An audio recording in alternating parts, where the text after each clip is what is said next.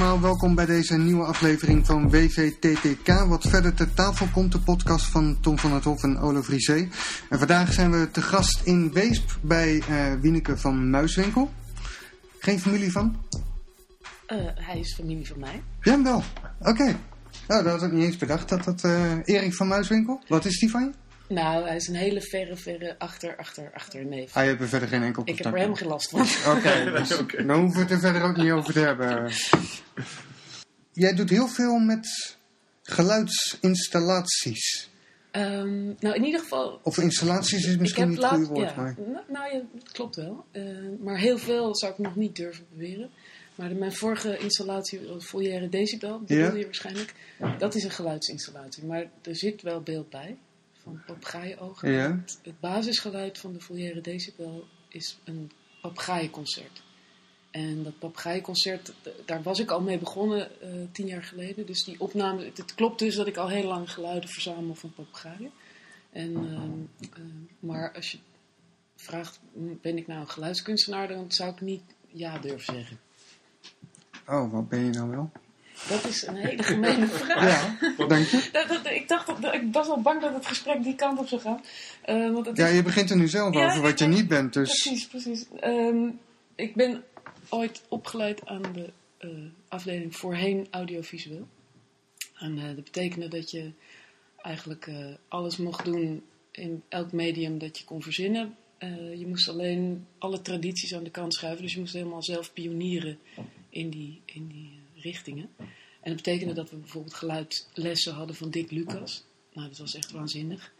Um, gingen gewoon, als je daar naar binnen ging, dat, dat was zo'n klein geluidsstudiootje met eierdozen tegen de muur en uh, uh, recorders. En, en, en, en vooral Dick Lucas zelf, die dan introducties gaf op, ja, op een terrein waar ik in ieder geval helemaal niets vanaf wist. Dat was echt blanco. En uh, ja, dan, dan, gaat er een, een, enorme wereld open. En over welke tijd spreken we? vorige eeuw. Uh, ik zat op de Rietveld tussen 1988 en 1993. Oké. Okay. Um, waar ik vandaan kwam, bedoel, niemand maakte kunst in mijn omgeving. Waar kwam je vandaan? Ja, ook weer een hele lastige vraag. Maar uh, voordat ik naar de Rietveld ging, woonde ik in Parijs. En was ik zo'n heel naïef meisje wat dan ging schilderen in pa Parijs. En daarvoor woonde ik in uh, Bennekom. Zat ik op het Christelijk Streeklyceum in Ede. Ja. Maar ja, in Parijs waren de mensen wel met de kunst bezig, neem ik aan. Ja, dat vermoedde ik, ja. ja. Daar had ik wel eens wat over gehoord. De bonnen voor je naar Parijs? Nou, niet op de, nee, nee, ik had het allemaal maar... georganiseerd. Ja? Um, ik had allemaal keurige Franse brieven geschreven naar... Uh, naar academies, of in ieder geval, ja, ik bedoel, dat was nog voordat we een heleboel met, ik in ieder geval had geen internet. Dus dat was gewoon bellen en schrijven en uitzoeken. En ik had, ik had de Academie de Port Royal uitgekozen. Waarschijnlijk omdat ik het een hele fancy titel vond. En uh, had ik in mijn beste Frans geschreven dat ik daar heel graag wilde studeren. En toen kreeg ik, zij waren geloof ik de enige die een terugschreven. Dus toen dacht ik, nou ja, dan, dan ga ik daarheen. En uh, dus zo'n zelfgemaakt jurkje en een map met houtskooltekeningen in de metro. En uh, toen kwam ik daar en dat was een schuinstraat. Het was in de buurt van Père Lachaise. Dus ik liep een straatje in en ik zag een soort ingestort stil leven dat tegen een muurtje aanstond. En ik duwde de deur open. En uh, opeens stond ik midden in zo'n atelier waar, waar 30 mensen stonden te schilderen en te tekenen. En een naaktmodel en uh, een hond. En, uh, maar niemand keek op of om. Dus ik dacht, ja, wat nu? En ehm, toen heb ik daar geloof ik tien minuten gestaan. Zo'n stille bewondering voor de scène die zich voor mijn ogen voltrok. En toen kwam er een, eh, een, een man met een hink, hinkend been. Die kwam op af. Zo van, uh, hallo mademoiselle, uh, wat komt u doen? En ik zei, nou, ik, uh, ik want ik dacht, ja, weet je, op zijn Nederlandse van, ik heb me ingeschreven in een school. En dan zou ik wel bij de receptie komen. nou ja, helemaal niet gewoon.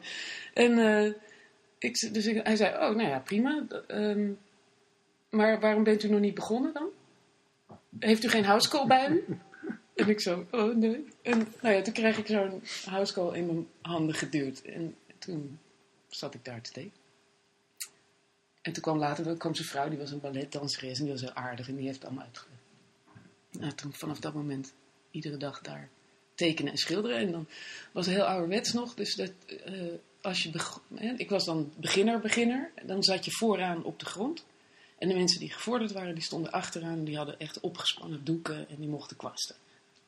Dus daar kwam je denk ik pas na verloop van een jaar of drie. Kom je, in de achterste regio. Nou, dat heb ik natuurlijk nooit gehad. Hoe, hoe, lang ben je in Parijs geweest? Een jaar. Een jaar, oké. En toen? En, Tenminste, waarom maar een jaar? Want uh, je ging niet met de gedachte er naartoe, blijft maar een jaar. Nee, ik wilde heel graag naar de Rietvelden. Dat was het plan. Alleen, um, dan had ik ook toelating gedaan. En ik dacht, ik wil een jaar weg. Of ik wil een tijdje weg. Ehm, en ik dacht, dan doe ik toelating en dan kan ik weg. Maar ik had natuurlijk helemaal geen geld. Uh, dan kan ik zo ver weg als ik wil. En dan heb ik alvast toelating. En toen zeiden ze, nou ja, meisje, hartstikke leuk, maar je bent nog veel te jong. Ik zei, ja, nee, dat vind ik ook. Maar ik wil dan over een jaar terugkomen. Ze zei, nou, kom dan maar gewoon volgende keer weer toelating doen. En toen dacht ik, oh, balen. Want dan moet ik dus op liftafstand iets gaan doen. Want anders dan, ja, weet je wel, ik kan niet naar Amerika vliegen en dan heen en weer voor toelatingen. Dus toen werd het Parijs. En, en waarom tekenen en uh, schilderen? Gewoon... Nou, omdat ik gewoon van niks wist. Oké. Maar je wilde in elk geval iets expressiefs-achtigs doen. Ja, ik, ik bedoel, potlood is al snel gevonden. Dus eh, je, je, dat is wat je kan. Of dat, is, dat zijn de middelen die je voorhanden hebt. Het liefst had ik, had ik gewoon uh, boeken geschreven, maar ik wist niet hoe dat moest. Dus ja, dan, dan maar tekenen, toch? En als mensen dan ook nog tegen je zeggen... Nou, ik, weet, ik weet nog dat ik ooit eens een keer... Dat je merkt van... Uh, dat was na kindernevendienst of zo. Na, een van de kerkdiensten mocht je ook tekenen. En uh, dat op een gegeven moment was ik ergens... En uh, toen stonden er opeens allemaal kinderen om me heen te kijken naar wat ik tekende. toen dacht ik, oh, waarom, waarom willen ze dat zien? Waarom willen ze dat weten? En dan denk je, oh, nou misschien is het wel wat. En dat was een, een ja, daar beginnen de dingen. En nu raak ik bijna geen potlood ooit meer aan. Omdat als je op Rietveld komt, dan zeggen ze, hè, net als in, in die, in die Academie de Port Royal, dan zeggen ze, ja, mademoiselle, wat komt u nou doen met die tekening, weet je? Dan, daar breken ze eerst alles af wat je weet en dan kan je lekker opnieuw beginnen. Dus dacht ik, nou, weet je wat, uh, dan ga ik helemaal niet meer tekenen schilderen, dan ga ik iets doen wat ik gewoon niet ken. Want dan ben ik sowieso een beginner. En dan is film of, of audio is meteen, ja, ik, wat ik er zo bijzonder aan vond, was dat het, het verschaft je direct toegang tot wat zich in je hoofd afspeelt. En wat vermoedelijk zich afspeelt in het hoofd van alle andere mensen. Opeens is niet meer zo. eerst moet, stel dat je een wit papier hebt en je moet het erop tekenen of je moet het erop kwasten. Dat is hartstikke indirect. Of ik vond het in ieder geval moeilijk. En met film leek het wel vanzelf, want je hoeft er niets voor te doen. Weet je? Je, kijkt, je kijkt om je heen, je pakt je camera. Dan zit je, gelijk, in, dan zit je gelijk in het verhaal. Of, ja, in ieder geval had ik het gevoel dat het me met een camera lukte om te laten zien wat ik zag. Ja, ja, ja. En alsof ik dingen kon zien die, je, die de camera eigenlijk nog preciezer zegt dan als ik het zou schilderen of tekenen. Ja, ik denk dat je met een, een tekening of een schilderij zelf het verhaal maakt. Terwijl je, als je filmt, ben je eigenlijk de werkelijkheid aan het regisseren. Dus het verhaal bestaat al, alleen jij maakt daar dan de keuzes in wat je wil laten zien. Ik denk dat, is dat niet het... Ja, ik heb het gevoel dat de, dat de werkelijkheid mij altijd regisseert. En dat ik het alleen maar hoef mee te maken. Maar dat je je wel daaraan over moet geven. En dat op een of andere manier die middelen zoals film en audio daar heel geschikt voor zijn. Omdat ze zo... Ik, ik, ik, ik ervaar helemaal geen weerstand. Terwijl met al die verf ervaar ik gewoon een hele bende weerstand. Weet je, oh, het gaat niet, het ziet er niet uit. Nog een keer, uh, oh jee, veel te veel verf, oh, veel te weinig. Ik bewonder iedereen die het kan, maar ik, ik kan het niet. Maar ik kan me voorstellen, als je zeg maar bezig bent met, met beeld, uh, met beeld van de camera, dat je op een gegeven moment ook enorm geïnteresseerd raakt in de vorm. In de zin van de, de vorm die je kunt geven aan wat je registreert. Kijk, je hebt misschien wel rechtstreeks toegang tot de werkelijkheid, maar als je iets wil vertellen of je wil iets laten zien, heb je het toch opnieuw ook over vorm. Altijd. Altijd, ja. ja. Het gaat altijd, tuurlijk. Alleen die vorm, die moet op een of andere manier een draadje hebben met de dingen die vormloos zijn. Want dat immateriële is eigenlijk waar je naartoe, dat is, dat is waar ik naartoe wil. Of dat is waar ik naar verlang. nou verdorie heb je die materie nodig om het, om het toegankelijk te maken. Of in ieder geval doe je daar een poging toe. En dan is film, zit me minder in de weg dan verf. Dan verf, ja. Maar je hebt gelijk, als je het hebt over... Ja, maar film is ook vorm, absoluut. En, het, en je moet wel weten hoe je... Hoe je hè, want ik werkte toen nog met 16 mm. Hoe je die in de, in de camera-cassette krijgt. En je moet je niet vergissen, je moet het goed belichten. En je, maar het gaat over licht. Weet je? Licht is eigenlijk de ultieme materie van film. En dat, dat is, ja, als dat lukt. Maar misschien is het wel. Ik, ik ben afgestudeerd met. Dat, ik noem het vaak uh, in de wandelgangen de treinfilm. Uh, over enkele ogenblikken heet het. En toen. Uh, ik heb heel lang nagedacht over wat ik dan voor examenwerk ging maken. Of het een film moest zijn of geluidswerk of iets anders. Ik, nou ja, eindeloos twijfel.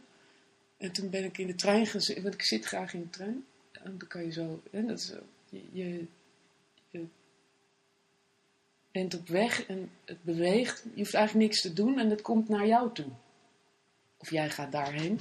Dat is geweldig, toch? Het is, mm -hmm. Je krijgt de hele tijd nieuwe scènes voorgeschoten. En soms zitten er andere mensen in de trein, en, maar je buiten. En, nou ja, het, het, ik, ik kan beter denken als het beweegt. En, uh, dus toen ben ik in de trein gaan zitten naar Wenen. Daar woonde iemand die ik kende. Toen dacht ik, nou ja, dan heb ik in ieder geval doe ik net alsof ik een doel heb. en, uh, en, toen ben ik daar nog een beetje gaan rondfilmen bij dat slot Schönbrunn. Allemaal beelden en, en, en, nou ja. Maar dat sloeg eigenlijk helemaal nergens op. En toen zat ik weer in de trein terug. En toen kwam ik erachter dat, uh, dat die trein naar Oostende ging. Want dat is eigenlijk nog de oude verbinding tussen Engeland en Wenen. Dus die, al die aristocraten die graag in Wenen naar het bal wilden, die kwamen dan uit Engeland aan in Oostende, stapten direct op de trein en werden zo naar Wenen vervoerd. En toen dacht ik, nou, dat vond ik zo uber romantisch idee. dus ik dacht, weet je wat, ik blijf gewoon zitten. Want dan word ik morgen wakker en dan, en dan uh, sta ik in Oostende. En bij Hempel, dat was ik zo. En uh, ik weet niet meer wanneer dat precies, wanneer, die, wanneer het idee nou eigenlijk tevoorschijn kwam. Maar toen dacht ik, weet je wat, dat wat je ziet uit de trein, zo'n plek, je ziet vaak van die boerderijen of van die huizen, weet je, in het landschap, waar je, waarvan je denkt, ja, het ziet eruit alsof er nooit iets veranderd is. Toen dacht ik, zoiets, daar wil ik heen. En ik wil, ik wil net als dat je, als je in de trein zit op, en, en je moet wachten totdat de trein vertrekt en er staat een andere trein op het tegenoverliggende spoor dan is het toch zo dat je, dan kijk je door die raampjes, zie je mensen zitten en dan ga je toch altijd een beetje nadenken over wie dat zijn of uh, wat hun overkomt of wat voor types. En dan begint jouw trein te rijden en als je mazzel hebt, begint hun trein tegelijk te rijden, maar dat gaat dan altijd een beetje zo in verschillende cadansen. Dus, je, je, dus zij gaan iets sneller, dan haalt jouw trein hen weer in. En wat er dan gebeurt, is dat, uh, even om terug te komen op wat is film en vorm, dan monteer je in feite je eigen film als toeschouwer. Want die ruitjes van die coupés, dat zijn net filmkaders. Hè? Dus, volgens mij is het zelfs 16 bij 9, ik heb het nooit nagemeten, maar of 3 bij 4. En dan zie je dus die mevrouw die zich bukt. En dan gaat jouw trein sneller en dan kom je bij die coupé met al die kinderen die lopen te uh, schreeuwen. En dan gaat jouw trein weer terug en dan zie je die mevrouw zich, dat ze zich omgedraaid heeft. En die tussenliggende tijd die hoef je niet te laten zien, die monteer je. Dus door, door zelf ten opzichte van die andere trein te bewegen, monteer je je eigen film. En dat wilde ik maken. Ik dacht, dat ga ik maken voor iemand die naar mijn film kijkt. Die zit eigenlijk in die andere trein. En ik laat met mijn film die andere trein bewegen. En ik zorg voor vertraging en versnelling. En wat je niet ziet en wat je wel ziet. En toen uh, ben ik op zoek gegaan naar, een, uh, naar die boerderij eigenlijk. Die je vanuit de trein ziet. Toen dacht ik, ja, waar, ik, ik geloof heel erg in dat, je, dat dingen op je pad komen als je, nou ja, als je je antennes goed hebt staan. Dus ik hoef alleen maar te luisteren naar wat er dan gebeurt. En toen dacht ik, oh, weet je, um, ik ga naar Zwammerdam. Want daar komt mijn familie vandaan. En ik dacht, dat is zo'n plek waar, waar, het niet zo hard gaat, weet je wel, waar, waar, de wereld niet zo snel verandert. En toen ben ik uh, ik, weet, ik geloof dat ik met de auto ga, want ik kan maar niet met de trein komen. En toen ben ik uitgestapt. En ben ik gaan rondlopen. En toen zag ik een boerderij waar duidelijk niet heel veel gaande was. Toen, toen ben ik, heb ik eerst een uur op een bankje gezeten om te kijken of het echt zo was. Toen dacht ik, ja, dit is hem. Dat heb ik aangebeld. Maar ja, op een boerderij moet je natuurlijk nooit aanbellen. Dus ja, nee, dus ik hoorde een heleboel gestommel. Uh, uh, en, en dozen aan de kant en weet ik het allemaal. En toen ging die deur open. Dus ik zei, nou, ik ben Wieneke.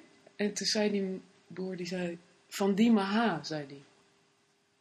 Toen dacht ik, hè? Maar dat is gewoon hoe je in het telefoonboek staat. Weet je, gewoon je, je achternaam en dan je voorletter met een punt erachter. Maar zo stelde die zich voor. Geweldig. dus toen, uh, en toen zei ik een beetje zo bedeesd van, ja meneer Van Diemen, ik, ik, uh, ik wil zo graag filmen in uw boerderij. Nou, dat is goed. Toen dacht ik, oh, um, wanneer ga je beginnen dan? en uh, ik zei, nou ja, dan binnenkort of nou, oké, dat was goed. En dan klonk en toen ging de deur weer dicht. Toen dacht ik, hè, dus ik liep weg. Ik dacht, heb ik nou een afspraak over filmen? En toen, nou, misschien wel eigenlijk, ja. Dus een beetje beduust weer naar huis. En toen dacht ik, ja, maar wacht even, als ik dan daarheen ga, dan kom ik met een heleboel mensen en aggregaat en lampen en camera's. En ik blijf ook een tijdje. Is niet koffie drinken of zo. Dus ik heb hem geprobeerd te zoeken in het telefoonboek onder Van Diemen H. En uh, gevonden. Dus heb ik opgebeld. En gezegd van, ja, meneer Van Diemen, weet u het echt zeker? Want het, het, het wordt een enorme toestand. Nou, nou ja, volgens mij als een boer ja zegt, heeft hij ja gezegd. Dus ik, ja, hij vond het heel wonderlijk dat ik me daar zo druk over maakte. En uh, toen, uh, nou ja, een paar weken later met de aggregaat en een heleboel auto's en een heleboel mensen en een heleboel spullen stonden we op het erf. Maar het allergrappigste was dat hij uh, want die man die, die, woonde daar duidelijk alleen. Later kwamen we erachter dat hij dus nog in zijn ouderlijk huis woonde. En dat hij nog steeds in de jongenskamer sliep, terwijl hij was al in de zestig. En alles was intact, ouderlijk. Dus de, de, de, slaapkamer van zijn ouders, alles was nog exact. Wat, nou ja, gewoon helemaal zoals ik had gehoopt dat het zou zijn. En, uh, maar dus die ochtend dat we aankwamen met, de, met al die filmmensen, dan zat de hele huiskamer vol met bezoek. Want die wouden dat wel eens meemaken, de, de film. en, en, en dit zeggen we, oh jee, wat nu, weet je wel. Maar het duurt einde, de film is natuurlijk eindeloos gedoe. Dus um, voordat wij iets interessants aan het doen waren, waren die mensen natuurlijk al stik verveeld. Dus die, die dropen af na een paar uur. Daarna hebben we ze ook nooit meer teruggezien. Maar uh, ja, het was heel erg... Uh, bijzonder om daar, om daar te zijn. En die plek inspireert zo erg. Dus als je, die vorm die komt ook door, doordat je jezelf ergens naartoe brengt waar die vorm jou vindt. En hoe lang ben je in die, in die boerderij wezen filmen? Uh, ik weet het niet meer precies, maar uh, volgens mij iets van zeven of acht dagen. Achter elkaar? Achter elkaar, ja. En misschien één dag dan even, ik weet niet, weet je, dat er iets moest gebeuren en dan of gedoe of weet ik veel wat. En dan een dag later weer terug. En, en wat heb je dan met name gefilmd?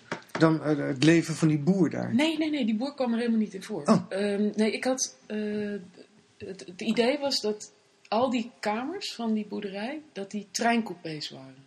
En dat. Uh, ik had een heleboel vrienden waarvan ik dacht, die weten hoe dat moet. Die had ik gevraagd of ze in mijn film wilden spelen. Of dat ze die film samen met mij wilden maken. En die die deden alsof ze in de trein zaten. Dus die, die zaten in stoelen en die bewogen zachtjes heen en weer. En we hadden uh, uh, Jean-Pierre Sens, uh, die zat bij mij in de klas en die had heel veel verstand van techniek. En, en nou ja, we hielpen elkaar allemaal in die tijd. Dus je, je, weet je, ik help jouw film, jij helpt bij mijn film. En hadden we, die had een, een, een cassette recorder met een, een, een eeuwig loopje.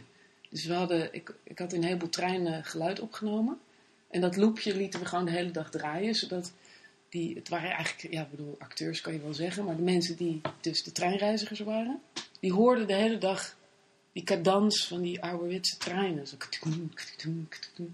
en, dan, en we verzonnen gewoon ter plekke wat, hoe je kon doen alsof het een trein was.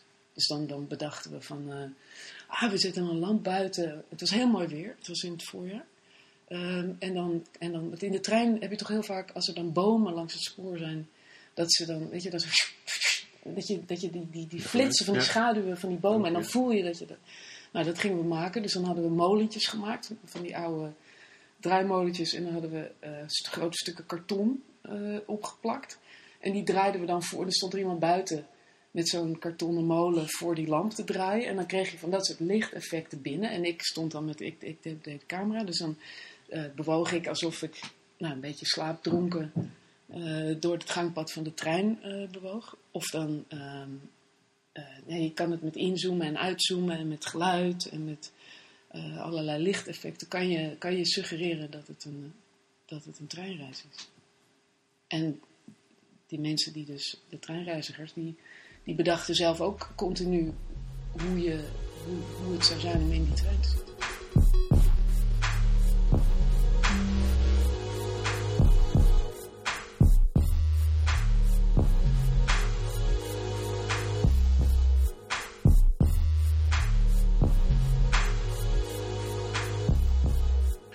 Even aanraken op een aantal dingen. Eh, nee, je, je maakte in je, in je verhaal een aantal malen de, de opmerking dat uh, je op zoek bent, of op zoek was, naar dingen die niet of nauwelijks veranderen. Dat vind ik wel interessant, want we zitten hier in een huis uit 1675. 75. En het, het is als je binnenkomt alsof je teruggaat in de tijd. En jullie proberen ook echt heel veel in stand te houden van zoals het was. Dus ik ben wel benieuwd zeg maar, wat die fascinatie is. Waarom wil je zeg maar, de tijd vasthouden? Dus daar lijkt het op. Ik weet niet of je dat wil, maar, maar, maar daar lijkt het op. Wat, wat, is, wat is dat? Mm. Ja, ik, ik weet niet precies wat dat is. Uh, dat is iets wat ik al heel lang doe. Um, ik, ik, wil heel graag weten waar dingen vandaan komen. Ik voel me niet thuis in, in, in een omgeving of op een plek waar alles nieuw is. Vind, ik weet, terwijl het fascineert me hoe dingen bewegen van hier naar straks of naar, naar het volgende. Maar ik wil heel graag weten wat, ja, hoe het er dan uitzag. Of wat, wie dat dan waren. Of, of waar we vandaan komen. Waar we vandaan komen vind ik een heel belangrijk vraag. Om, misschien om te weten waar je naartoe moet. En dat, ja, dat denk ik dat dat waar is. En, uh, Daar kan ik me niet voorstellen. Ja, en, en, en daar ben ik nog, eh, dus misschien ben ik, ben ik nog steeds bezig om uit te zoeken waar ik vandaan kom, om te weten waar ik naartoe moet. Zie je jezelf in een bepaald tijdvak? Uh, nou, er zijn uh, verdomd veel tijden waar ik graag, ja, graag onderdeel van had uitgemaakt. Maar ik vind deze ook niet verkeerd. Ik bedoel, het mooie is dat ik nu dat, ik, ik kan nu makkelijk terug. Hè? Dus je, nou ja, makkelijk, niet in de thuismachine of zo, maar er is zoveel informatie en zoveel beeld en er is zoveel verhaal en er is zoveel waar je, nou ja, waar, waar je gewoon uh, je tanden in kan zetten. Dat is heel erg uh, fijn. Ja, we kunnen natuurlijk steeds beter uh, reconstrueren, ook op beeld, hoe we denken dat het er dan ook vroeger uitgezien heeft. Ja, en dat, dat, dat, dat wel maar je bent er, je, het is onmogelijk, hè, want, want het, het, het je waar je bij staat. Dat, dat, is, dat, dat weet je al op het moment dat je het vastlegt. Ik heb ook heel lang uh, rondgereisd zonder camera. En dat vond ik ook, uh, ik vond bijna verboden om een camera te gebruiken. Dat was dan een hele andere tijd. Dat, dat, dat, deed je niet, dingen vastleggen. Want het was eigenlijk al hopeloos om daaraan te beginnen. Nu doe ik het omgekeerde. Maar ik weet dat het, weet je, ik, ik weet eigenlijk dat, dat ik iets doe wat niet kan. Trachten iets in stand te houden. Terwijl alles aan verandering onderhevig is. Ja, continu, elke dag, continu, iedere seconde. Elk moment. Ja, en, en dit, maar dit huis, hè, dus waar, waar, toen we waren op zoek naar een huis en, en um, ja, een huis is toch waar je, weet je, dat, dat is de plek waar je, waar je nou ja, verbonden bent met, met alle andere dingen. En uh, in ieder geval voor mij is dat heel belangrijk. En het was heel duidelijk dat het geen nieuwbouw moest worden.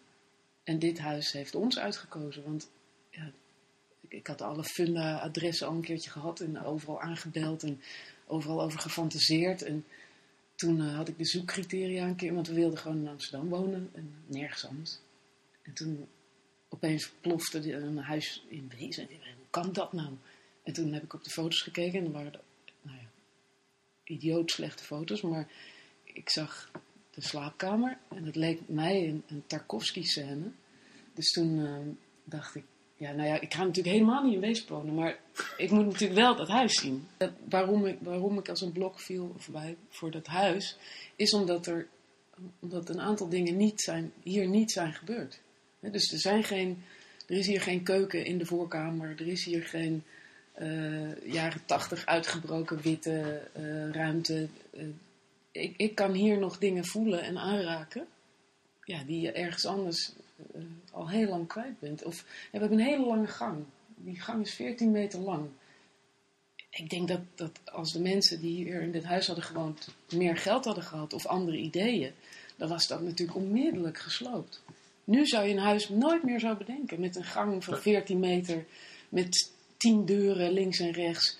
Uh, dat, dat, zo, zo wordt helemaal niet meer gebouwd. Terwijl de kwaliteit van het huis is nou juist die mysterieuze lange gang waar geen eind aan komt. En waar aan het einde een heel klein lichtje boven de keukendeur zit. En dan waar, waar smiddags om een uur of vier, vijf, nou ja, zoiets moois getoverd wordt.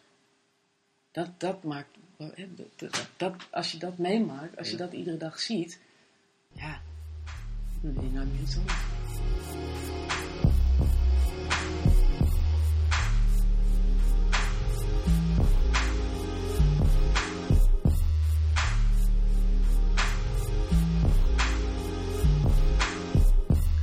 Even terug naar, uh, naar je aanwezigheid op uh, internet is dan niet zo groot. Dat betekent ook dat er, dat er een gat zit, volgens mij, tussen wat je na de Rietveld hebt gedaan en je meer recente werk, denk ik. Wat heb je daar te, in tussentijd allemaal gedaan? Wat heb je gedaan na de Rietveld? Heb je even? Heb je, uh, ja. de eerste tien jaar na de Rietveld heb ik heel veel gemaakt en heel veel tentoongesteld. Um, dus ik heb nou, het heel intensief en dat, dat, dat is eigenlijk afgerond met een tentoonstelling bij Annette Gelink. En uh, daar heb ik laten zien De Smalle en de Brede Weg. En Hooggeëerd Publiek deel 3. En dat zijn twee werken. Ik vind dat wel sleutelwerken. Um, Hooggeëerd Publiek is een serie met appels en peren. En dat zijn dia's. Uh, ik maakte ook op een gegeven moment heel veel dia-werken, want dan kon je toch projecteren, maar dat was niet zo duur als filmmaken. En bovendien kon je daar ook hele mooie dingen mee doen. En uh, dan heb ik appels en peren gefotografeerd bij Noorderlicht op een houten tafel um, met het perspectief van een schilder. Dus uh, alsof, alsof een schilder achter zijn ezel zou staan en een appel op zijn tafel zou hebben liggen. En dan kijk je, dan zie je het steeltje en dan kan je er net even zo die bolling zien en dan uh, met strijklicht. Um, en waar precies heb je die genomen? Als je zegt bij het Noorderlicht? Oh, in, in, uh, uh, bij een goede vriendin, Jon Glaudemans. Die had een huisje uh, in Amsterdam en, en daar hebben we dat allemaal gefotografeerd. En, ze, en haar kamer oh, je was precies... Gewoon, ah, niet oh, nee, het Noorderlicht. Nee, nee, het licht uit het... Sorry, het licht uit het... ah, okay. iets te, iets nee, ik zat te denken aan Lapland of IJsland of zo. Ja. Okay. Nee, dus weet je wel, dat, dat je ateliers hebt waar, waar die je uitgekozen hebt omdat je het licht van de hoek okay. niet uit het zuiden. Nee, dan, uh, ik, ik, dacht dat je met je appeltjes en peren naar Lapland was getrokken. Nou, dat is ook, uh, dat, dat, dat is ook, ook gekund natuurlijk. Idee, maar dat zou ik misschien iets anders zijn. Nee. ja. ja. Nee, maar en, en, die, die, uh, en dan ging ik naar de groenteboer en dan, of naar de biowinkel. En dan ging ik een heleboel verschillende appels en peren zoeken. En dan, weet je, die groenteboer die wou dan bepaalde appels in een zakje doen. En zei nee, nee, nee, doe die andere. En dan wou hij het blaadje eraf. Nee, nee, laat gaan zitten. Dus een hele collectie van, nou ja, 80 verschillende appels en peren. En die ging ik dan allemaal fotograferen. En die um, projecteerde ik dan naast elkaar op een soort van medium groot schilderijformaat. En dan uh, met een lijst omheen. Oh, 80.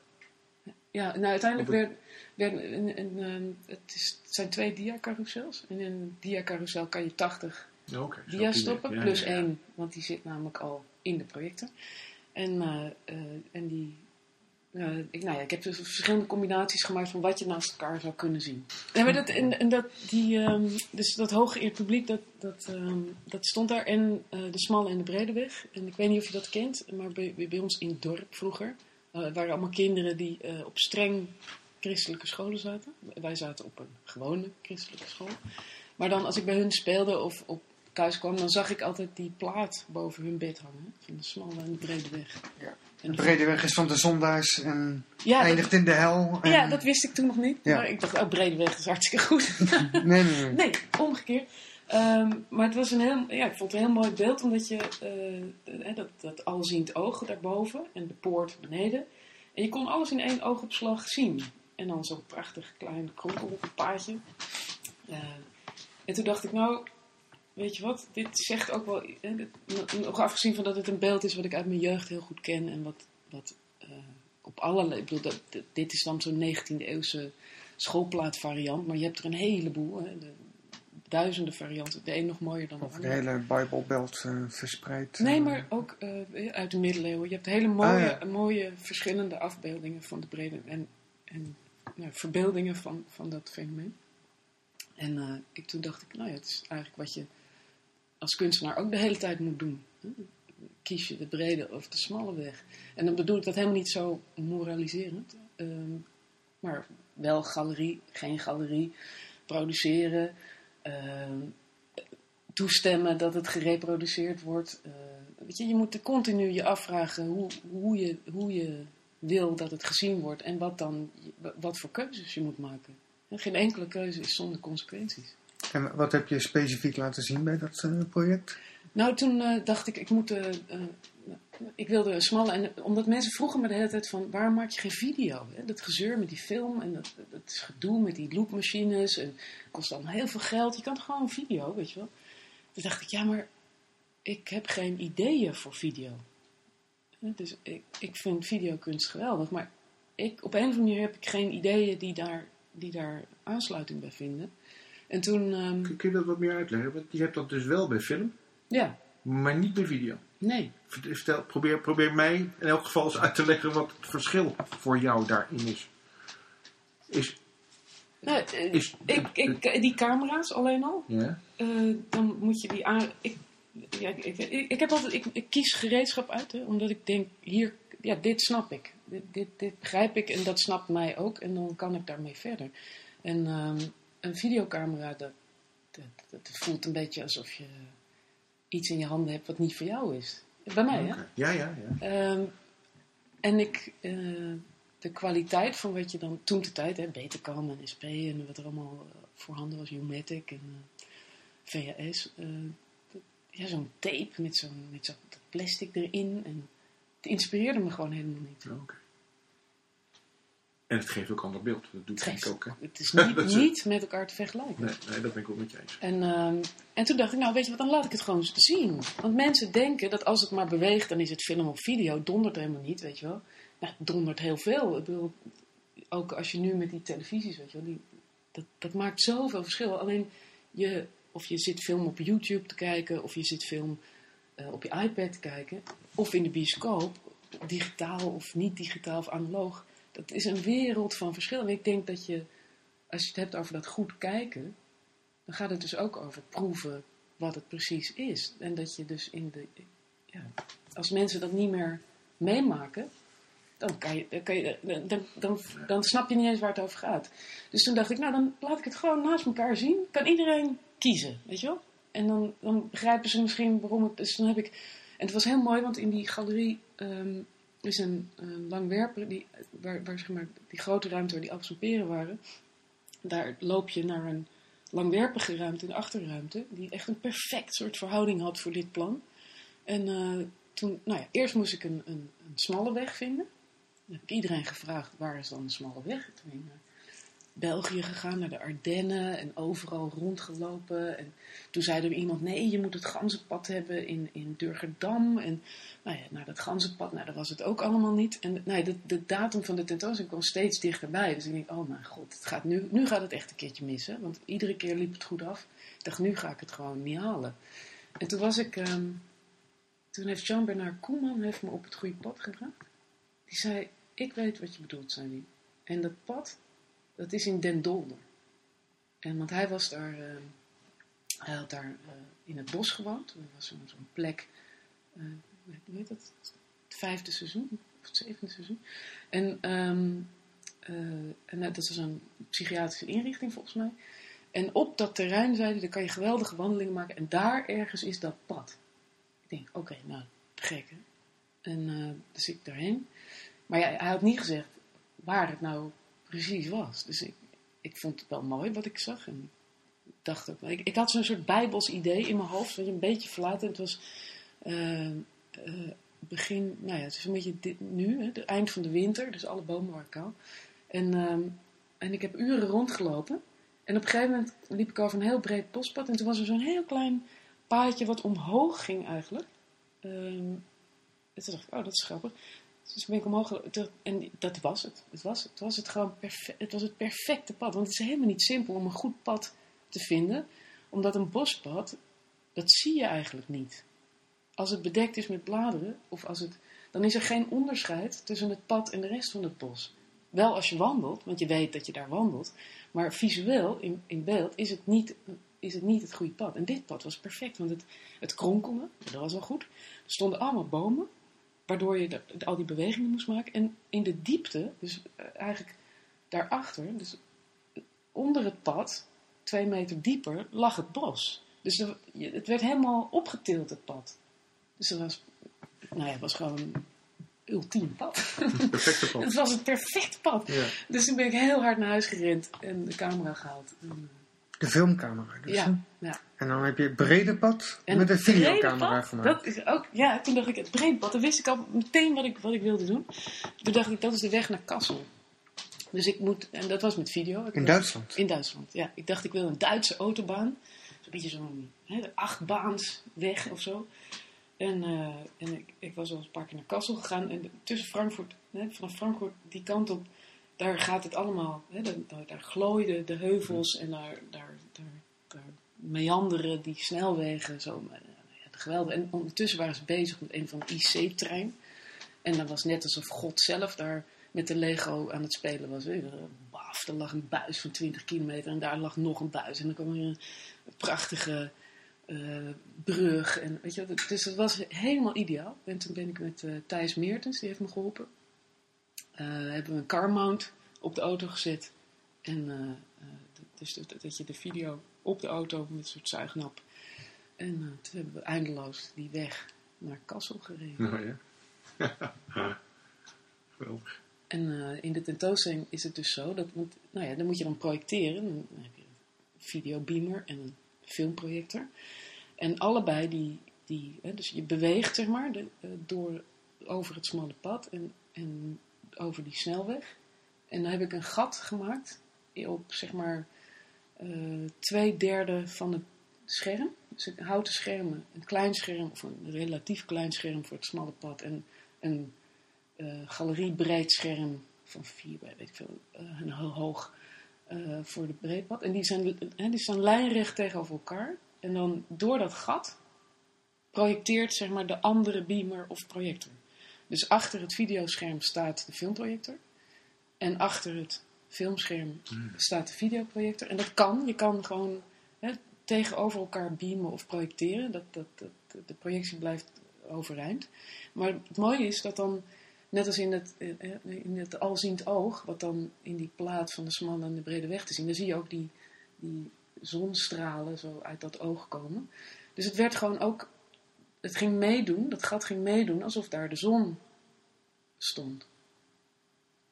En als je dus als toeschouwer naar binnen liep, dan kwam je eigenlijk in, precies tussen die twee schermen uit. Dan kon je natuurlijk, maar je moest je hoofd bewegen, dus je moest kiezen of je het een of het ander bekeek. En die, het smalle pad is een loop van, ik weet niet, een, nou ja, van een soort filmrol. Dus iets van, niet de hele film, ik geloof zes, zeven minuten. En de en de, de snelweg duurt een paar uur. Ja, ja. Waarom? Je gaf net aan dat zeg maar, die twee werken die je net hebt beschreven, zijn dit voor jou zeg maar, sleutelwerk? Ja, omdat ik vond zelf um, dat dat hooggeëerd publiek, die appels en peren, dat dat, dat dat precies was wat ik wilde laten zien. En um, dat, en, en, dat het, en, en ik had het gevoel dat mensen dat ook begrepen. Ik heb, later is het aangekocht door het stedelijk.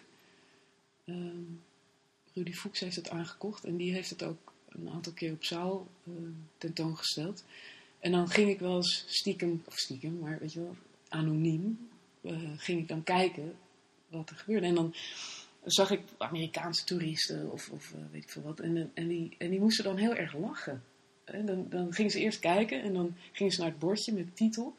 En moesten ze vreselijk lachen. En dacht ik, ja, dit, dit, dit is fijn. Dat, dat maar er waren ook mensen die het, die het gewoon mooi vonden om naar te kijken. Maar ook mensen die, die daar allemaal dingen over dachten. En, dat, ja, ik, ik, ik had het gevoel dat het, dat het iets was wat niet alleen maar voor mij werkt, maar ook voor anderen.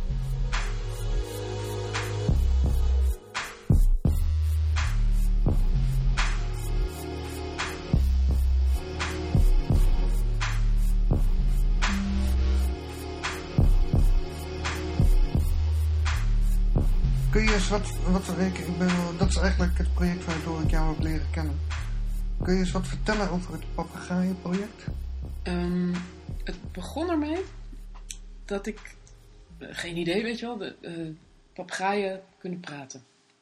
Of in ieder geval kunnen ze alles imiteren wat op geluid lijkt. En uh, dat leek ja, dat is, volgens mij vindt iedereen dat interessant. En ehm, in ieder geval vond ik het interessant. En eh, hoopte dat ik dan een soort concert zou kunnen vastleggen van allerlei pratende, zingende papegaaien. En toen had ik dus een heleboel papegaaien nodig om dat te doen. En uh, die heb ik gevonden in, in Veldhoven. Daar, zit, daar zat toen de tijd het Nationaal Opvangcentrum voor Papegaaien. En die hadden duizenden papegaaien. Ik dacht, nou, dat is mooi. In ieder geval een paar. Duizenden? Ja. En uh, uh, nou ja, papegaaien die, die gebracht worden hè, door mensen die niet meer voor kunnen zorgen. Of die uh, op Schiphol worden onderschept. Zijn er, zijn, er, zoveel mensen in Nederland die een papegaai in een kooitje hebben zitten nog? Ik denk het wel. Ja? Maar, maar bovendien, uh, uh, die wordt, ze worden oud, hè? Dus het is niet... Uh, ah, ja, ja, dat is... Ze blijven ook, als je ze eenmaal hebt, dan blijven ze een tijdje. En, ehm, nou, de, en het mooie was, er was daar een heel groot foyer, die is er nog steeds. En dan kon je, daar, daar, kunnen ze vliegen, want dat was dan de filosofie, dat, dat die beesten komen vaak aan in een kooitje of in, een mandje. En die kunnen helemaal niet meer vliegen, want die hebben gewoon nou ja, 30 jaar in een veel te klein kooitje gezeten. Hebben die vleugels nooit meer gebruikt. En dan probeerden ze die papegaaien te resocialiseren. Dus weer in contact te brengen met andere papegaaien. Eerst twee, dan tien en dan dertig. En vervolgens in die grote. En dan kunnen ze die vleugels weer een beetje oefenen. En dan uiteindelijk in die grote, of sommigen komen dan in die grote foyer, waar ze, nou ja, in ieder geval een paar honderd meter kunnen vliegen. En het goede daarvan was dat er een, een, een kooi, of een, hoe noem je, een tunnel van gaas door die volière liep. Dus je kon als bezoeker door de volière lopen in je eigen gaastunnel, terwijl die beesten allemaal om je heen vlogen. En daar ben ik gaan staan met een microfoon.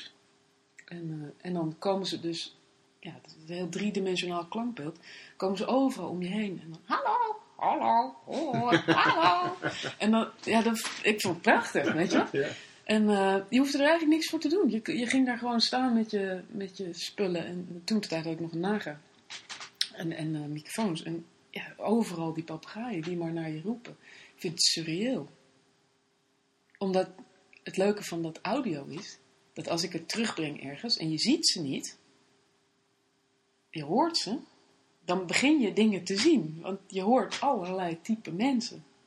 Want ze kopiëren dus ook je accent. Hè? Je, je hebt daar ook papegaaien die zeggen, oh doe ja. Geweldig.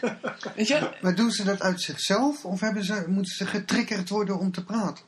Uh, ik denk dat papegaaien een hele sociale diersoort is. Dus die houdt er niet van om alleen te zijn. Mm -hmm. En het probleem is natuurlijk dat zodra je die uit het oerwoud haalt, dan zitten ze met ons opgeschreven. En dan hebben ze dus niet meer leuk andere papegaaien om mee te socialiseren. Maar dan kiezen ze jou, of ja, noodgedwongen ben jij de andere papegaai. Dus dan gaan ze met jou praten en jij praat geen papegaai. Dus dan besluiten ze om te doen waar jij op reageert. Maar in zo'n grote foyer hebben ze dus wel die papegaaien vriendjes. Dus dan hebben ze jou in principe niet meer nodig om tegen te praten, toch? Nee, maar ik loop daar rond met een zak met nootjes. En ze weten natuurlijk dat ik twee benen heb. Dus, uh, en ze hebben al leren praten op een, an eh, mm -hmm. op een ander moment in hun leven. Dus dan weten ze wel wat ze moeten doen. Ja, oké, okay, maar dat, dat, dat is dus, ze hebben dus die trigger van zo'n nootje nodig om tegen jou hallo te zeggen. Het is niet zo, als er geen mensen zijn en je hangt daar een verborgen microfoontje op, dat ze dan voortdurend mensentaal aan het praten zijn zonder dat er een mens aanwezig is. dat, dat droom je natuurlijk wel, maar dat is inderdaad niet zo. Er zijn wel papegaaien die uh, zoveel geluid kunnen produceren. Of, ik, ik, ik, heb, ik heb ook papegaaien gezien bij de NOP die wel degelijk zelf van allerlei geluiden produceren. Dus dan zitten ze in die binnenhokken bijvoorbeeld. En dan hoor je ze zingen. En dat is dan niet tegen mensen. Of dan hoor je ze. Er is er ook die, dat is ook genoeg. Er is er eentje die roept dan: Papa, papa. dat is heel uh, dramatisch eigenlijk. Heel mooi. Ja.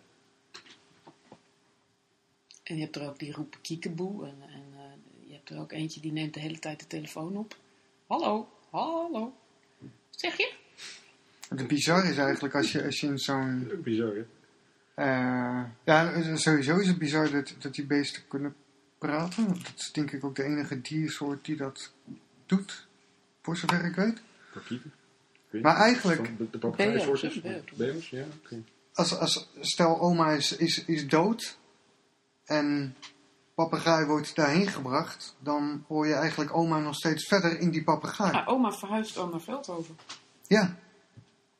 Dus het, het, is zeer voorstelbaar als je daar loopt dat je allemaal stemmen eigenlijk van doden hoort die geïmiteerd worden. Ja, dat is zo. Het, ja, het zal niet voor elke papegaai gelden, denk ik, maar dat, dat is wel zeker omdat die beesten ook zo oud kunnen worden, dus ook ouder dan mensen kunnen worden. Ja. Dat is wel een bizarre gedachte eigenlijk. Ja, dat vind ik ook zelf de meest interessante. Ik bedoel, nee, ik, ik, heb natuurlijk dat uh, uitgelegd in die uitzending van de avonden. Dat je uh, ja, dat het animale recorders zijn. Hè? Dus dat die stemmen overgaan in het dier en dat het dier de stem reproduceert. Ja, hoe bijzonder is dat?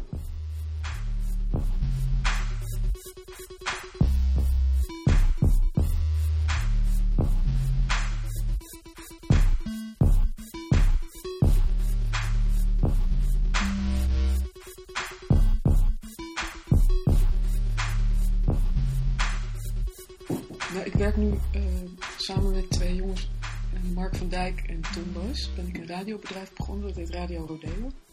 En wat we doen is, we, we maken radio op locatie voor iedereen die daar behoefte aan heeft. Dus we, willen graag verslag leggen of op een bijzondere manier vertellen over of met of voor uh, mensen die een cultureel evenement hebben of een gebeurtenis. Of een, het, eigenlijk overal waar je bij kunt zijn en waar mensen zijn.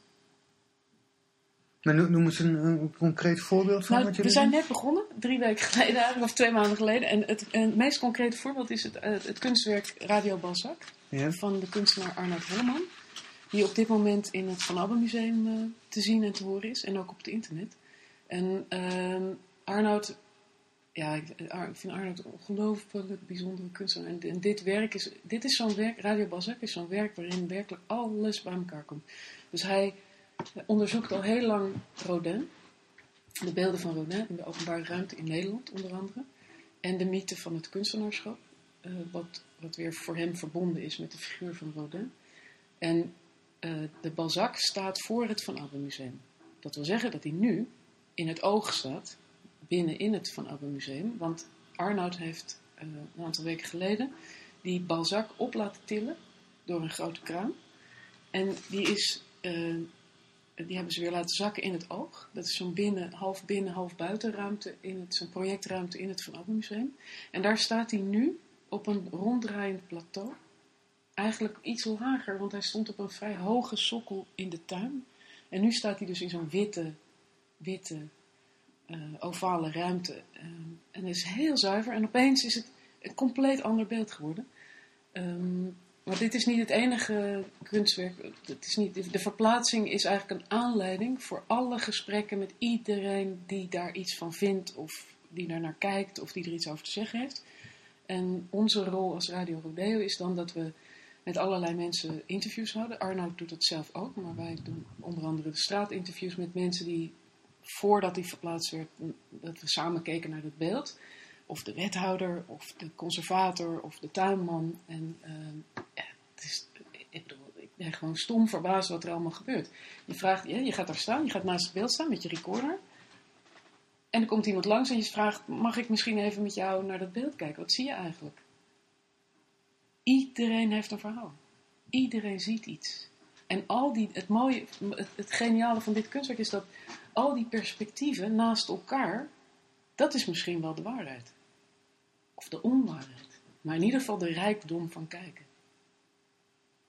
En daar werken we dus op dit moment aan. Ja, ik vind het een verrukkelijk project. En, en dat is via het internet te beluisteren? Ja, www.radiobalzak. Ja, het, is geen feitelijke radiostation zoals een nee, vierde eten, zeg nee, maar. Nee, het is echt... nee, het is een jukebox die online staat ja. en die Radio Balzak heet. En daar wordt iedere uh, uh, week, of uh, er wordt, wordt regelmatig worden daar nieuwe fragmenten aan toegevoegd. En ook alle radioprogramma's die over Radio Balzac gemaakt worden, die komen daar ook weer in terecht. Dus als, als de VPRO een uitzending maakt over de Balzac, of de AVRO, of de VRT, dan komt dat ook weer in Radio Balzac.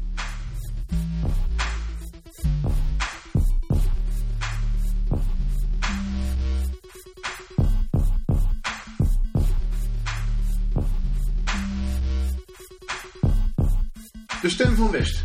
Mm -hmm. Want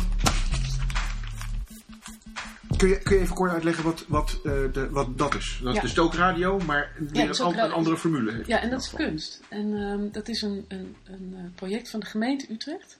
Die hebben een enorm rijke traditie als het gaat om kunst in de openbare ruimte en opdrachtgeverschap. En um, de wethouder van cultuur wordt geadviseerd door de commissie ABKV. Daar zitten allerlei curatoren, kunstenaars, schrijvers in. En um, die hebben een aantal jaar geleden in Utrecht een beslissing genomen om het budget van de kunst in de openbare ruimte te koppelen aan stedelijke ontwikkeling. En daar hebben ze een aantal gebieden voor aangewezen waarvan te verwachten was dat daar uh, nou ja, grote veranderingen, ingrijpende veranderingen zouden plaatsvinden die op de korte en de lange termijn Utrecht zouden doen veranderen. Want je kan wel overal beelden gaan neerzetten op straat, maar ja, er is het budget niet toereikend genoeg voor. En misschien is dat ook onzin. Dus, en dan voor iedere plek bedachten ze een specifiek type opdracht. En daarbij zochten ze dan makers die daarbij hoorden. En een van de, van de redenen waarom de Stem van West uh, in het leven is geroepen, omdat ik weet niet of je nu, uh, als je nu naar Utrecht rijdt met de auto vanaf Amsterdam, dan kom je plotseling door een tunnel. Hè? Die was er vroeger nooit. En dat betekent dat Leidse Rijn, wat dan als je vanaf Amsterdam komt aan je rechterhand ligt, en de binnenstad van Utrecht, dat die fysiek met elkaar verbonden zijn geraakt. waar die snelweg ooit eigenlijk als een soort van kerf tussen die gebieden terecht is gekomen, waar je weliswaar met de auto heel handig overheen kunt rijden, maar als, als fietser of als automobilist zeg maar, van plaatselijk lokaal verkeer betekent het dat je, ja, dat kan dus niet. Je kan daar niet overheen je kan niet oversteken over de snelweg. Tenminste, dat is niet de bedoeling. Uh, dat kan ik ook niemand aanraden. Maar nu kan het wel. Want je kan over het dak van die tunnel. Het is allemaal nog niet klaar, maar dat, dat, dat kan. En als je daarover nadenkt, dus wat dat dan voor gevolg heeft, dan ga je nadenken over hoe de binnenstad, de oude binnenstad, zich überhaupt verhoudt tot de buitengebieden. En of iemand die onder de Domtoren woont, wel eens in Kanaaleiland komt of in Overvecht Waarschijnlijk doen we dat allemaal niet, maar een, kan je dan een, een opdracht verzinnen waardoor de makers heel goed gaan kijken en luisteren naar de plek waar het om gaat. En het mooie van radio is dat je dus, ja, dat gaat eigenlijk over verzenden en ontvangen. Dus dat je ook al ga je niet, dat je ook al ga je niet op je fiets naar, naar, naar Ogenal, of, of, of, ook al fiets je in Ogenal, maar je komt nooit in Kanaaleiland, dan is er dus een mogelijkheid bij de Stem van West om toch die berichten te ontvangen. En de Stem van West heeft de mogelijkheid om die berichten te verzenden. En niet alleen uh, live, maar permanent. Want we staan online, het is webradio. Dus dat betekent dat de jukebox van de Stem van West zich steeds meer vult met materiaal van makers, kunstenaars en schrijvers en muzikanten. Die programma's maken met, voor en over de gebieden uh, tussen, dus alle wijken tussen uh, het Merwede-kanaal en het Amsterdam-Rijnkanaal en Papendorp, wat er aan de overkant ligt. En uh, ja, ik, ik vind het een heel uh, bijzonder project, omdat we zijn met zoveel mensen die allemaal ook weer zelf hun eigen verbindingen leggen in de wijk. Omdat ja, iedere kunstenaar, of maker, of, of muzikant, of schrijver, heeft een andere blik op, op die plek. Dus je moet het zo zien, dat stel dat deze opdracht 100 jaar geleden was gegeven, dan had de gemeente Utrecht 30 schilders gevraagd om Utrecht West, Zuidwest te schilderen. En dan had de een een, een, een portret gemaakt van een bewoner en de ander had in vogelvluchtperspectief de hele wijk in ogenschouw genomen. En iemand anders had misschien uh, het kanaal uh, uh, om zeven uur s avonds geschilderd. En weer iemand anders had een bloempot omgekeerd en geschilderd. En weer iemand, weet je, dus, je, zeg maar van stil leven en micro en macro, alles door elkaar. en hoe die mensen kijken. Ik denk dat het, ja, het stuk een, een is niet, is niet eenvoudig, maar het is, het is heel erg boeiend. Ja, ik kan me voorstellen. Ik vind, ik vind het een, een zeer boeiend project. Ik had ook het idee dat. Het, kijk, daar waar we vroeger uh, dingen vastlegden in, in vaste beelden. dit, dit, dit lijkt haast van een poging om de dynamiek van een stad vast te leggen. Ja. In een soort van archief. Het is een hele aparte manier van, van ja, zeg maar het vastleggen van de tijd. Ja. En wat ik me ook afvroeg is, denken jullie goed na over, want je, ja, dat doen jullie natuurlijk, maar het zijn allemaal verschillende kunstenaars, het zijn allemaal verschillende mensen die hun blik, met hun blik kijken naar, naar ja, de ontwikkeling zeg maar, uh, van zo'n uh, stadsdeel, maar, maar, ook het vastleggen van hoe het er nu is en, en hoe daar de dingen veranderen en bewegen. Um, ik denk dat het juist de, de, de onderwerpkeuze is natuurlijk heel belangrijk hier. Treden jullie daar nog sturend in op? Of zijn het vooral de, de, individuele kunstenaars die daar de vrijheid in krijgen om dat te doen? Of? Het is een wisselwerking.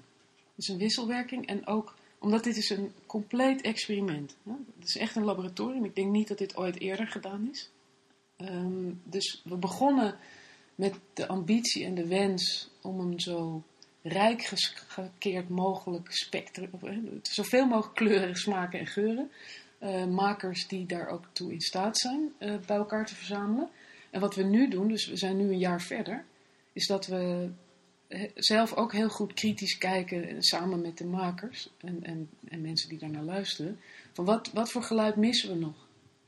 Of wat hebben we nog niet gedaan? Maar wat moet absoluut ook in deze jukebox? Dus nu kunnen we veel gerichter toevoegen. Daar waar je eerst gewoon moet afwachten of wat je aangenomen hebt als idee klopt. Want je kan soms een maker. We, vragen we vragen makers om hun specifieke kwaliteiten. Dus de een kan, is heel goed in oral history. En de ander is heel goed in abstract geluidsniveau. Uh, en weer iemand anders is heel goed met evenementen. Of iemand is heel eigenzinnig in, in, in, in met zijn radio-essays. Dus dat, dat, dat hoop je. Dan weet je nog niet of iemand dat ook gaat doen. Wat dat vind ik zo goed aan deze opdracht. Dat, ja, er is echt ruimte voor iedere maker om het te laten lukken of mislukken. Ja, ja. En van mislukken is toch haast nooit. Uh... Daar is tot op heden totaal geen sprake van, maar het is wel heel spannend. Ja. Ja, want, want een heleboel, ja, omdat een heleboel mensen hebben nog nooit eerder radio gemaakt. Dus je vraagt, oh, je, vraagt, je vraagt wel wat aan iemand. Ja, dat sta ik niet eens besteld, maar dat is natuurlijk ook nog eens keer zo. Dat je mensen nu vraagt om iets te doen wat ze eigenlijk nooit gedaan nee, hebben. Nee, nog nooit eerder gedaan. Is, um, hebben jullie enig idee of het, of het goed bezocht is? Ik bedoel, wat... Nou ja, ik, we, we, kunnen de, we kunnen de bezoeken, de, de cijfers van hoe lang iemand luistert. En, en uh, we zouden graag nog veel meer luisteraars hebben. We zitten nu op iets van 4000, geloof ik. Um, en uh, ja, de ambitie voor dit jaar is dat we daar veel meer reuring aan gaan geven. Dus dat we niet dat alleen maar uh, en, maar nu hebben we ook een jukebox waar, waarmee je de, de boeren op kan. Want nu, nu kunnen we laten zien, ja kijk, kijken, dit is, dit is het scala. En er is nog te verwachten dat dat en dat erbij komt. Dus dat, dat, ik, ik heb het gevoel dat we dit jaar kunnen oogsten wat we vorig jaar hebben gezaaid met z'n allen. Want hoe lang gaat het nog door? Het gaat nu 2014. Dus oh, tot, tweede, tot en met dit jaar? Het hele jaar. En er zijn een heleboel mensen nu, dat kun je op de site nog niet allemaal terugvinden, die nu in de startblokken staan of die al halverwege zijn. Of die, dus er gebeurt eigenlijk buiten de website om. Je hebt de programma's, maar, maar wat ik zelf zo ontzettend leuk vind, is wat er allemaal making of, weet je, wie met wie en waar en hoe en uh, wat ze allemaal voor plannen hebben bedacht en, en hoe ze dat dan tot stand brengen. En ja, dat is, dat is fenomenaal is de wereld daarbuiten, en dat condenseert zich dan in, in radioprogramma's, is zo rijk. Want dat gaat over ja, contact leggen en over iets. wat, wat heel goed is aan dit project is dat het niet eventjes is. We, mogen echt investeren in, in de verhoudingen. Ehm, en, en mensen merken ook dat we er. Hé, hey, ze zijn er nog. Hé, daar heb je die lui weer, weet je wel. Hé, hey, die zag ik toch vorig jaar in het, in het winkelcentrum met die, met die radiobakfiets. En nu staan ze hier weer. Oh ja, daar heb ik wel eens van gehoord. Stem van West, wat was het ook weer? Dus je, weet je, nu begint het ook. Wat ik, wat ik ook hoop is dat we. Ehm, de programma's hoeven natuurlijk niet alleen maar Stem van West programma's te zijn. Ze kunnen ook op Radio 1 gespeeld worden. Ze kunnen ook op Radio 6 of als, weet je wat ik bedoel, of uh, Radio Utrecht of eh, RTV. Je kan, je kan die programma's, die kunnen nog zoveel draagvlak krijgen op allerlei manieren. Um, en het allermooiste vind ik dat we uiteindelijk, als dit straks klaar is, en wij zijn natuurlijk allemaal freelancers, dus wij kunnen niet tot in lengte der dagen uh, zorgen voor, de, voor, ja, eigenlijk voor de erfenis van de Stem van West dat het Utrechts Archief gaat het hele project integraal opnemen in de collectie. Dus dat, ja, dan weet je gewoon dat alle investeringen die gepleegd zijn, straks permanent toegankelijk zijn voor iedereen die ernaar wil luisteren. Ja. Maar je bent hier dus eigenlijk al bezig, zeg maar, het leven, moet ik dan zeggen, tot kunstvorm te verheffen. We, we hadden het daar net over. Ik bedoel, ergens gaat hier, beginnen we, of begin je hier met zo'n project, ja, begin je ook echt, een, een wijk wordt eigenlijk tot ik wil niet zeggen kunstobject voor even, dat, dat, dat, dat gaat niet te ver, maar je bent in elk geval bezig om, om, het, om het vast te leggen via bepaalde vormen. Hè? Dus, dus, dus je bent toch daar aan het zoeken naar. Van... Ja. ja, ik, vind het heel, ik vind het heel erg leuk om ehm, onderdeel te zijn van iets wat groter is dan alleen maar mijn eigen denken. Dus dat ik, dat ik aanjager kan zijn of mee kan faciliteren dat er van alles gaat gebeuren. Ja. Dat, hè, dat je het circus op pad stuurt. Dat je, dat je de lichten aandoet. Dat je, dat, dat, weet je wel, dat wat er gisteren nog niet was.